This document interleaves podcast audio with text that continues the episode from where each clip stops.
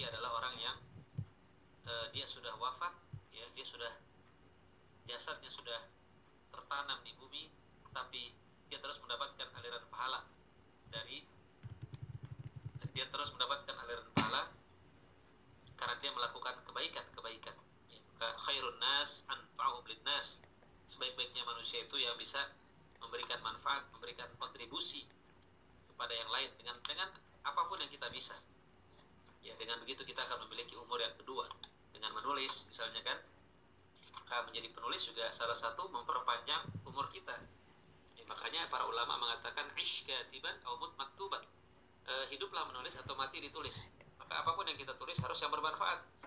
Seperti tulisan-tulisan kita di media sosial. Jangan sampai e, Facebook kita media sosial kita diisi dengan hal-hal yang tidak bermanfaat. Nah itu kalau kita sudah meninggal ya maka itu akan menjadi kalau tulisan-tulisan yang buruk gambar-gambar yang tidak yang tidak menutup aurat maka itu akan menjadi dosa jariah yang terus mengalir ke kuburan kita. Ya. tapi kalau yang kita tulis adalah hal-hal yang bermanfaat maka itu akan menjadi sodakoh jariah. Man sanna sunnatan hasanah kata balahu ajruha wa ajru man amila biha. Barang siapa yang melakukan satu sunnah yang baik kebiasaan yang baik dia akan mendapatkan pahala dan pahala daripada orang yang mengikutnya. Orang yang orang yang mengikutinya ya. Waman sanna sunatan sayyah barang siapa yang melakukan sunnah yang buruk ya falahu wizruha yang akan mendapatkan dosa dan dosa orang yang mengikutinya. Maka hati-hati dengan jejak digital kita karena semuanya bisa mudah sekali terbukti ya. Uh, ikhwatal iman rahimakumullah. Uh, kemudian juga ada riwayat lain juga di sini dikatakan bahwa sebab ya dari turunnya ya ya eh,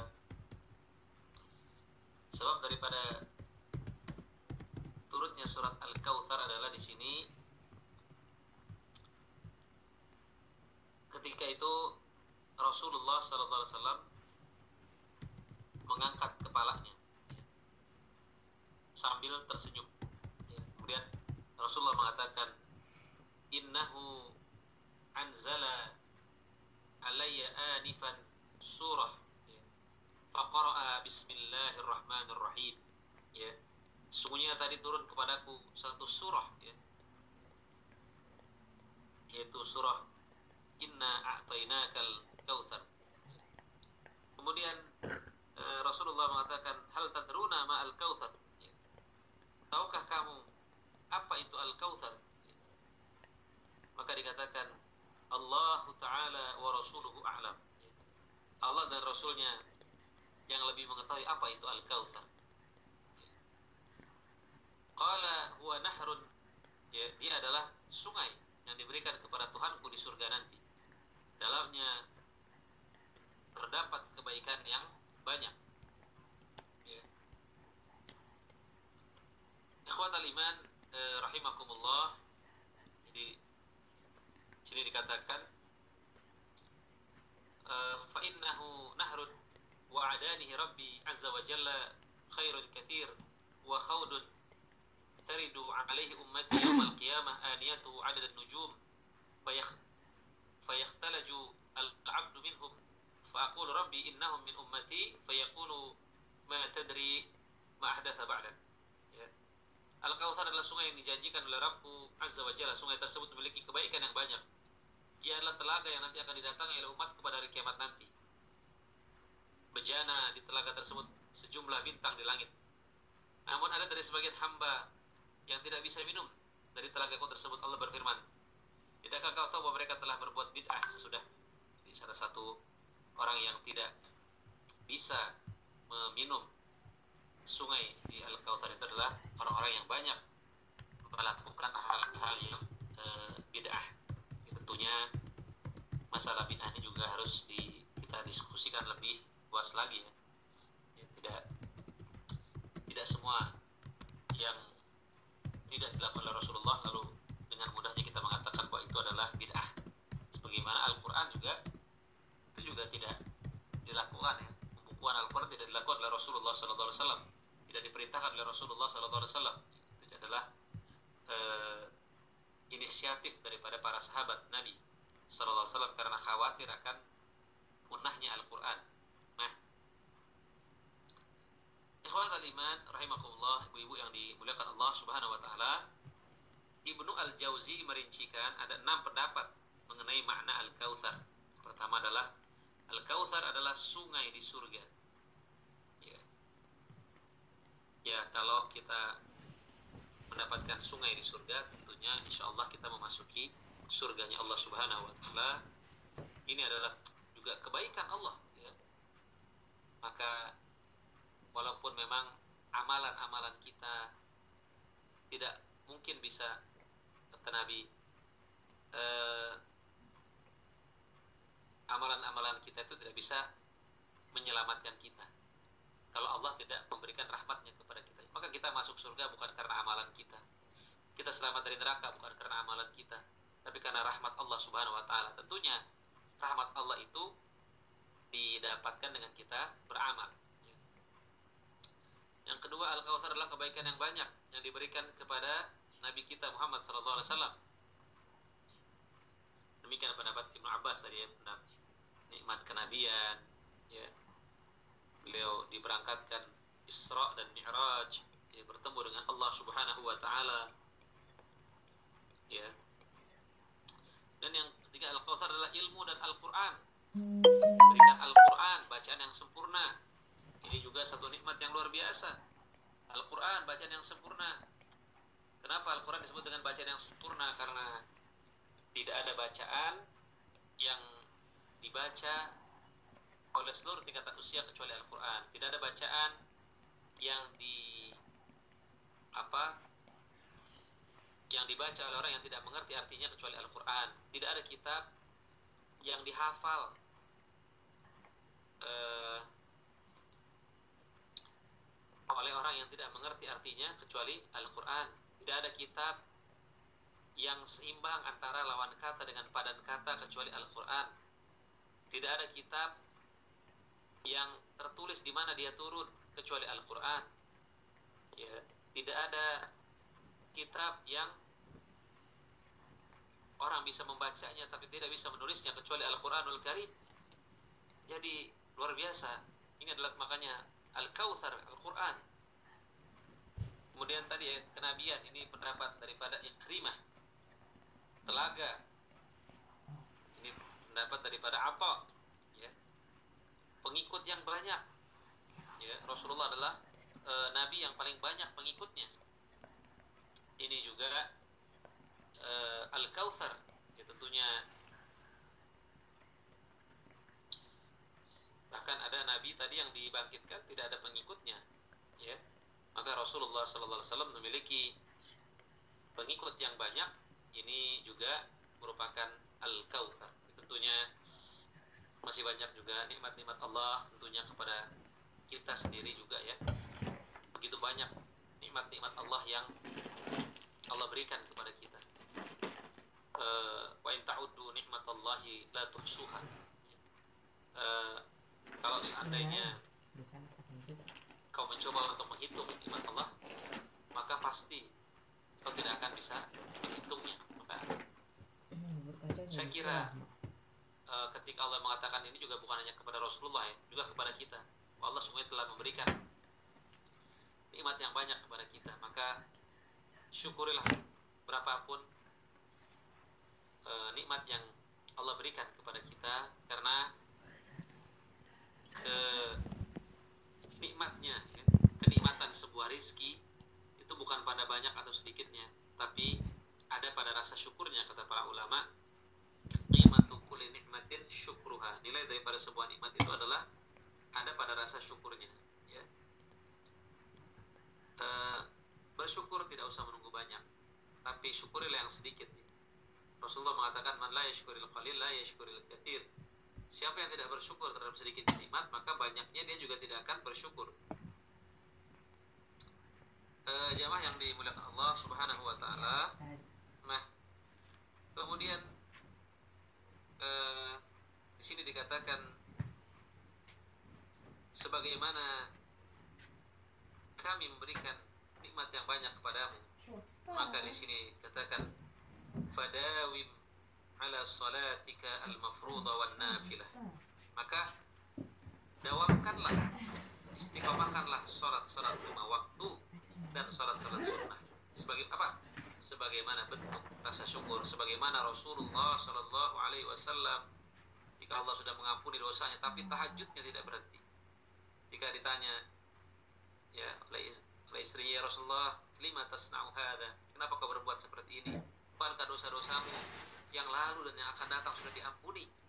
Maka Rasulullah hanya mengatakan Rasulullah hanya mengatakan tidakkah kau suka aku menjadi hamba yang bersyukur? Maka di sini dikatakan wa'diha khalisatan liwajhi rabbika. Ya. maka laksanakanlah semua itu khalisah ikhlas karena Allah Subhanahu wa taala. Tidak mengharapkan yang lain. Ya. Wanhar dhabihataka wa udhiyataka maka potonglah hewan kurbanmu ya sebagai bentuk ibadah ya. Maka eh, kita bersodakah kita bersodak sodakoh itu juga salah satu bentuk syukur. Maka syukur itu juga dari kata-kata syakar artinya membuka. Orang yang bersyukur adalah orang yang membuka nikmat Allah Subhanahu wa taala sehingga nikmat yang dia rasakan tidak hanya dia rasakan sendiri. Orang yang di sekelilingnya ikut merasakan. Nah kalau kufur artinya menutup. Orang yang kufur adalah orang yang menutup nikmat Allah Subhanahu wa taala sehingga nikmat yang dia peroleh ya. Hanya dia sendiri yang merasakan. Orang yang di sekelilingnya tidak, tidak ikut merasakan. Ya. nah eh, ikhwatal iman eh, rahimakumullah. Jadi kita bersyukur kita bersedekah ya. Niatnya ingat jangan sampai salah niat semuanya kita persembahkan untuk Allah Subhanahu wa taala. Qul inna salati wa nusuki wa mahyaya wa mamati lillahi rabbil alamin la syarika lahu wa bidzalika umirtu wa ana awwalul muslimin. Katakanlah semuanya salatku, ibadahku, hidupku, matiku hanya untuk Allah. Dan sekutu bagi Allah. Ya. Uh, dengannya aku diperintahkan dan aku termasuk orang-orang yang pertama yang menyerahkan diri. Nah, kenapa di sini Allah Subhanahu wa taala mengatakan Fasali li rabbika. Ya. Salatlah karena Tuhanmu. Ya. Ini adalah sebagai bentuk perlawanan kepada orang-orang musyrikin yang mereka sholat untuk selain Allah. Mereka apa berkorban untuk selain Allah. Ya. Maka ini orang-orang yang dikatakan dalam Al-Qur'an fawailul lil musallin alladzina hum 'an salatihim sahun walladzina hum yura'un. Ya celakalah orang-orang yang salat. Orang-orang yang lalai akan salatnya dan mereka yang riya. Ya.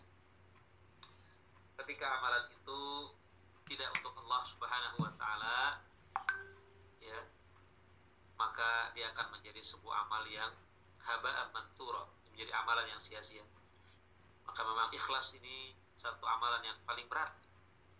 Ya.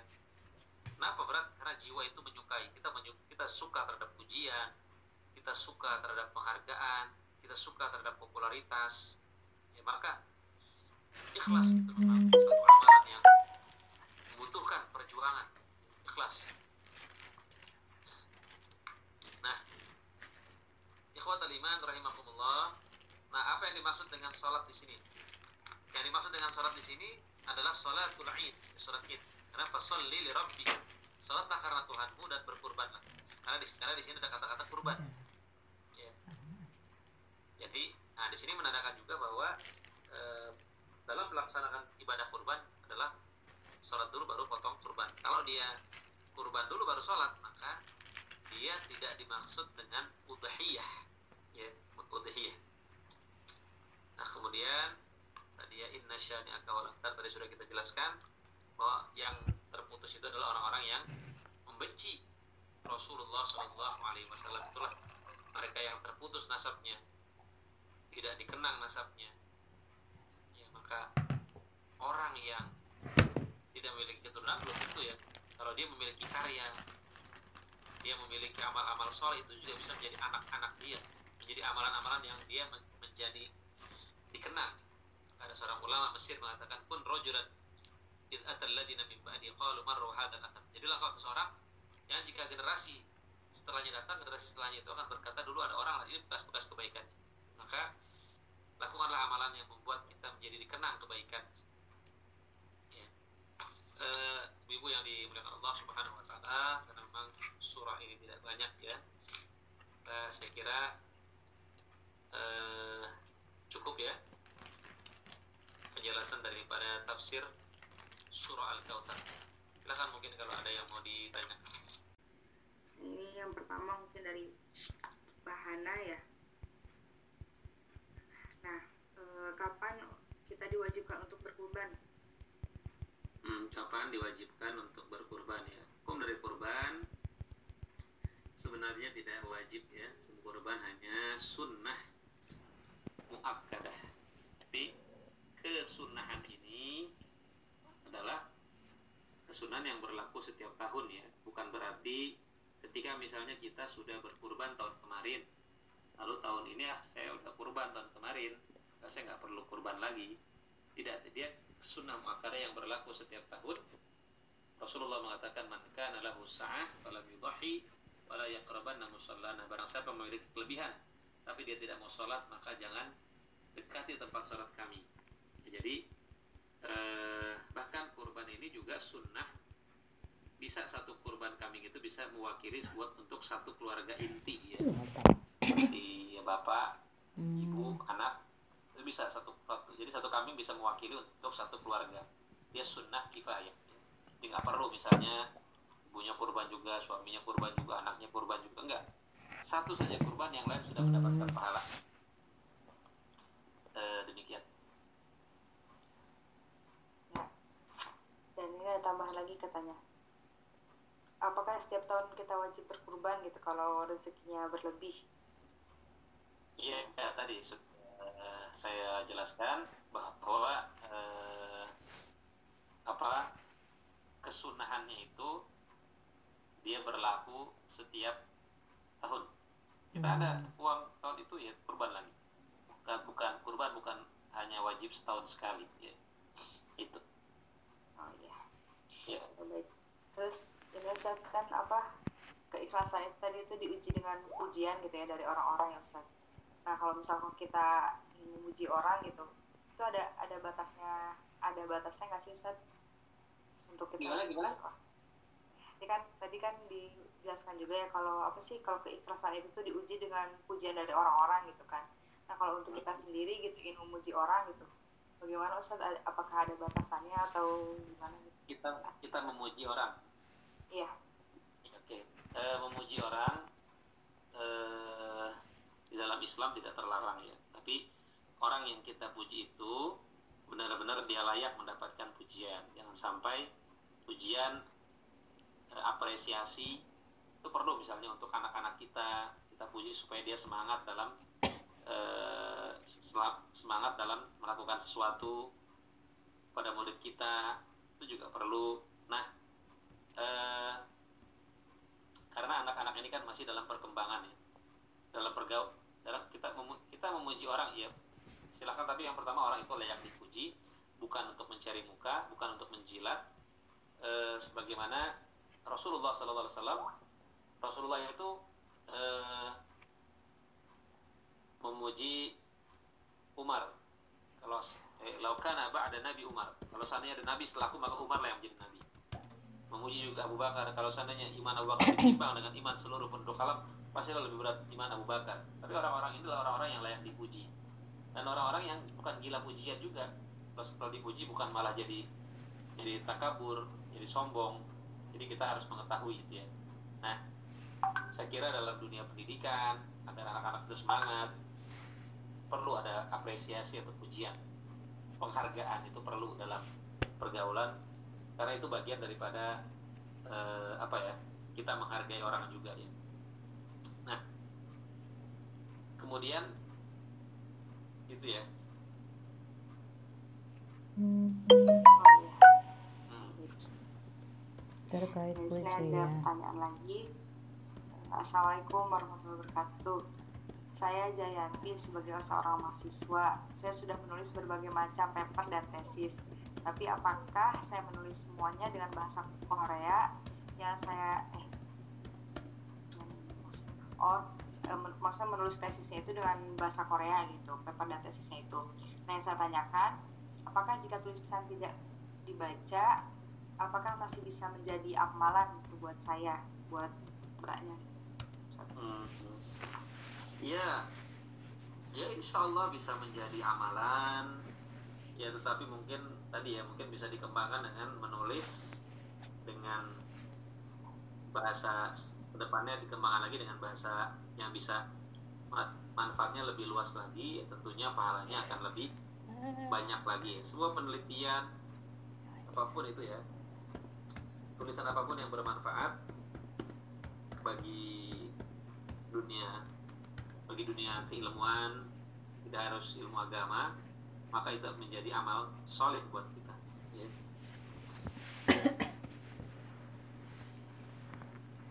itu mungkin. Oh iya. Oh iya.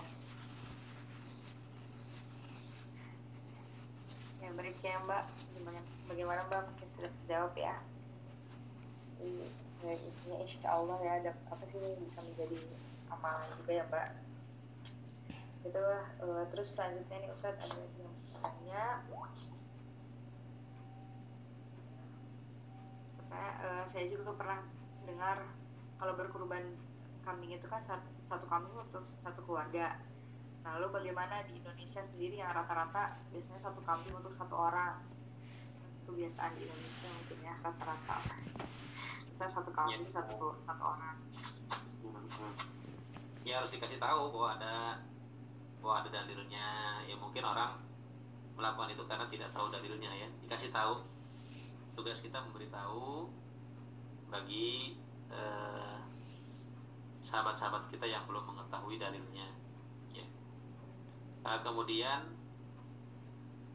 apa eh, tadi apa lagi pertanyaannya?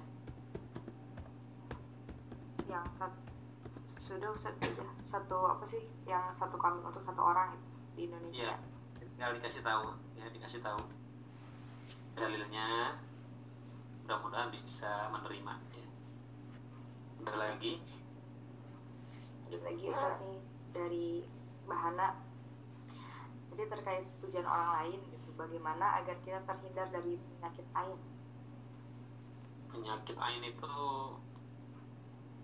maksudnya apa penyakit ain?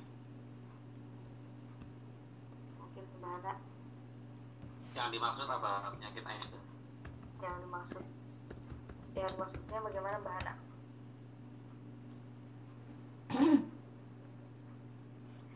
hasad. Oh hasad. Ya hasad itu ya orang yang dengki orang yang hasad. Eh, apa ya orang-orang yang sebenarnya hasad itu kan senang melihat orang lain susah susah melihat orang lain senang. Intinya mereka tidak dari itu dengan ketetapan Allah terhadap orang lain ya. Maka hasad itu harus kita jauh ya iya kumul hasad. Jauhilah penyakit hasad. Karena semuanya hasad itu memakan kebaikan sebagaimana api memakan kayu bakar. Ya kunci atau terhindar dari penyakit hasad telah itu dengan ketetapan Allah baik yang terjadi pada diri kita ataupun yang terjadi pada orang lain. Rasulullah mengatakan wardo bima qasamallah ridholah dengan apa yang Allah berikan maka kau akan menjadi orang kaya. Demikian. Lagi yang lain? Jayanti lagi. Katanya saya terkadang tidak bisa menahan kesabaran saat mengingat suatu. Bagaimana kunci kita supaya tetap sabar? Tipsnya Ustaz Eh, sabar ya. Sabar itu ya memang sabar itu harus dilatih ya wa may yatasabbar yusabbirullah kata kata Nabi. Siapa yang mensabar-sabarkan dirinya maka Allah akan menjadikan dia orang yang sabar. Jadi sabar itu adalah riyadhah satu latihan yang harus kita lakukan sampai benar-benar sabar itu menjadi akhlak kita ya. Ah, bagaimana sabar itu? Jadi sabar itu sebenarnya kekuatan. Sabar itu kekuatan sabar itu bukan diam tapi sabar itu berbuat kan sabarnya orang yang sakit berobat sabarnya orang yang bodoh belajar sabarnya orang yang sulit dalam ekonomi bekerja dan berusaha. Jadi itu yang harus kita pahami sabar itu tidak ada batasnya. Orang yang membatasi kesabaran berarti membatasi pahala. Kemudian yang kedua sabar itu eh, apa menyembunyikan musibah. Orang yang suka pamer musibah berarti dia tidak sabar ya kemudian juga sabar itu mengucapkan kalimat istirja yaitu innalillahi wa inna ilaihi rajiun. Sungguhnya kami ini milik Allah akan balik kepada Allah berikan ganjaran atas musibah ini dan berikan eh, ganti yang lebih baik. Karena tidaklah Allah mengambil satu nikmat dari seseorang kecuali Allah akan menggantikan dengan nikmat yang lain. Kalau kita mau bersabar dan mengambil uh, hikmahnya. Sabar itu juga mendiamkan anggota tubuh dan lisan tidak banyak protes. Ya jadi ini saya langsung jawabnya. Bagaimana hukumnya jika ketidaksabaran kita merugikan orang lain? Ya tidak ya jangan sampai lah kita nggak boleh merugikan orang lain ya, ya karena itu kezoliman. Ya, saya baca aja nggak apa-apa ya mbak ya? Ini saya baca. Maksudnya oh iya, iya ya maksudnya penyakit lain itu adalah hasad orang lain terhadap kita yang buat kita terkena bencana. Oh begitu. Ya baca saja caranya supaya terkena tidak terkena penyakit ain ya. Ya kita membaca zikir pagi dan petang. Baiklah. itu cara untuk menghindarinya. Kan di sana ada a'udzu bikalimatillahi Ah, tamma benar, min ya. syarri ma khalaq ya. Ya, ya. Bismillahilladzi la yadurru ma'asmihi syai'un fil ardi wa fis sama wa huwas samiul alim ya begitu kita karena apa Zikir. Eh, orang yang berzikir ya karena ya orang yang tidak berzikir ya mungkin mudah terkena penyakit ain karena Mathalul ladzi yadhkuru rabba wal ladzi la yadhkuru rabba kamathalil hayy wal mayyit. Perumpamaan orang yang mengingat Tuhannya dengan orang yang tidak mengingat Tuhannya seperti orang yang hidup dengan yang mati. Innal laisa fi jawfihi nabi syai'un minal Qur'an kal kharib. Orang yang mulutnya tidak ada bacaan Al-Qur'an itu seperti rumah rusak. Lagi yang lain? ya kalau misalnya mengupload kan saya pernah ini ya Ustaz pernah dengar gitu kalau mau masuk juga mengupload foto di media sosial gitu kan Ustaz menyebabkan penyakit kan Ustaz tapi dibentenginya dengan zikir gitu ya Ustaz. Jangan upload. Hmm, saya belum gimana? belum pernah dengar ya tentunya kita ya tadi ya dalam hal apa ya dalam hal kita mengupload ya foto-foto juga mungkin lebih selektif ya. Lebih selektif foto-foto yang seperti apa yang kita upload karena itu juga bisa menjadi sebuah bisa menjadi kedengkian ya seseorang kenapa karena kata Nabi likulidhi nikmatin mahsud setiap nikmat itu ada yang iri Misalnya kita punya rumah baru, upload, punya mobil baru, upload. Ya, nah, ini kan nggak semua orang itu siap melihat seseorang itu bertabur nikmat. Ya ada orang-orang yang nggak siap ya melihat seseorang bertabur nikmat. Ya maka dalam hal mengupload nikmat-nikmat yang Allah berikan kepada kita pun juga harus eh, hati-hati. Memang ada ayat ya wa amma bi rabbika dan terhadap nikmat Tuhanmu bicarakan. Artinya maksudnya bukan berarti kita berlebihan. Kita memang tidak boleh tampak sebagai orang yang susah ya, ya sebagai orang yang susah. Tapi juga bukan berarti kita terlalu berlebihan menunjukkan nikmat-nikmat yang Allah berikan kepada kita. Karena khawatir tadi ada orang yang iri ya. tampak susah nggak boleh berlebihan juga nggak boleh. Yang pertengahan khairul umur sebaik-baiknya urusan itu yang pertengahan. Bagaimana ada seseorang yang pakai baju robek? Nabi itu bertanya kenapa kamu pakai baju robek? Kenapa? Kamu punya baju yang lain enggak maka kata Nabi sungguhnya Allah itu suka melihat.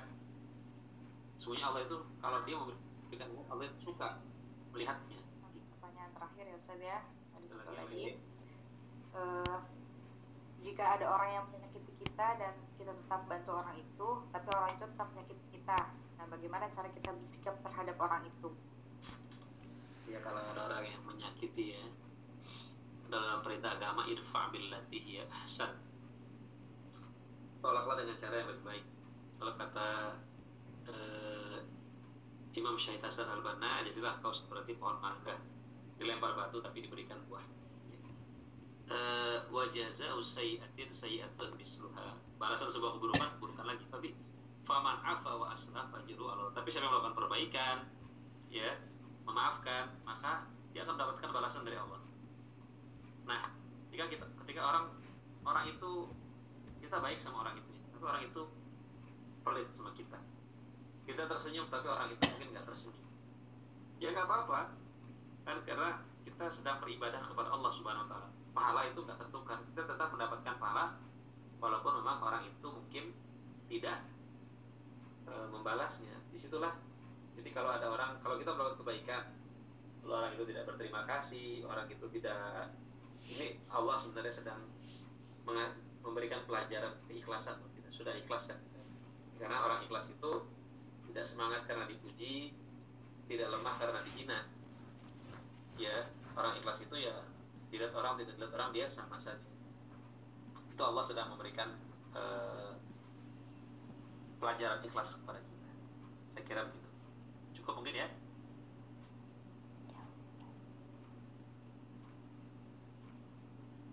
Halo? Ya ya Ustaz. Ya, Ya. baik. Sudah terjawab mungkin ya Mbak ya? Ustaz karena sudah di penghujung eh, mungkin ada closing statement atau sedikit tambahan lagi Ustaz sebelum tutup ya closing statementnya jadi eh, Allah yang pertama Allah memberikan begitu banyak nikmat kepada kita maka nilai daripada sebuah nikmat itu adalah rasa syukurnya. Yang kedua mari kita syukuri nikmat Allah Subhanahu wa taala dengan memperbanyak eh, ibadah dan banyak bersedekah. Karena itu bagian daripada tanda kita bersyukur kepada Allah Subhanahu wa taala. Itu mungkin yang bisa saya sampaikan. ya. Baik eh, sekali lagi Ustaz jazak jazakallah khairan katsiran. Ya Ustaz telah masih bersedia meluangkan waktunya gitu untuk mengisi MTC online kali ini gitu. Terima kasih Oh, juga untuk Mbak yang telah menyimak dan bertanya ya Mbak Mbak. Eh, mari kita tutup saja MTC kali ini dengan membaca Alhamdulillah bersama-sama. Alhamdulillahirrahmanirrahim. Dan istighfar Astagfirullahaladzim. Kita akhiri dengan doa kafaratul majlis Subhanakallahumma wa bihamdika asyhadu an la ilaha atubu ilaik. Jadi saya mohon maaf apabila eh, masih banyak kekurangan. Eh, mohon pamit ya Mbak Mbak sampai ketemu lagi mungkin di dua pekan lagi ya bisa online pekan selan- eh, dua pekan berikutnya. Mbak, Assalamualaikum warahmatullahi wabarakatuh. Waalaikumsalam warahmatullahi wabarakatuh.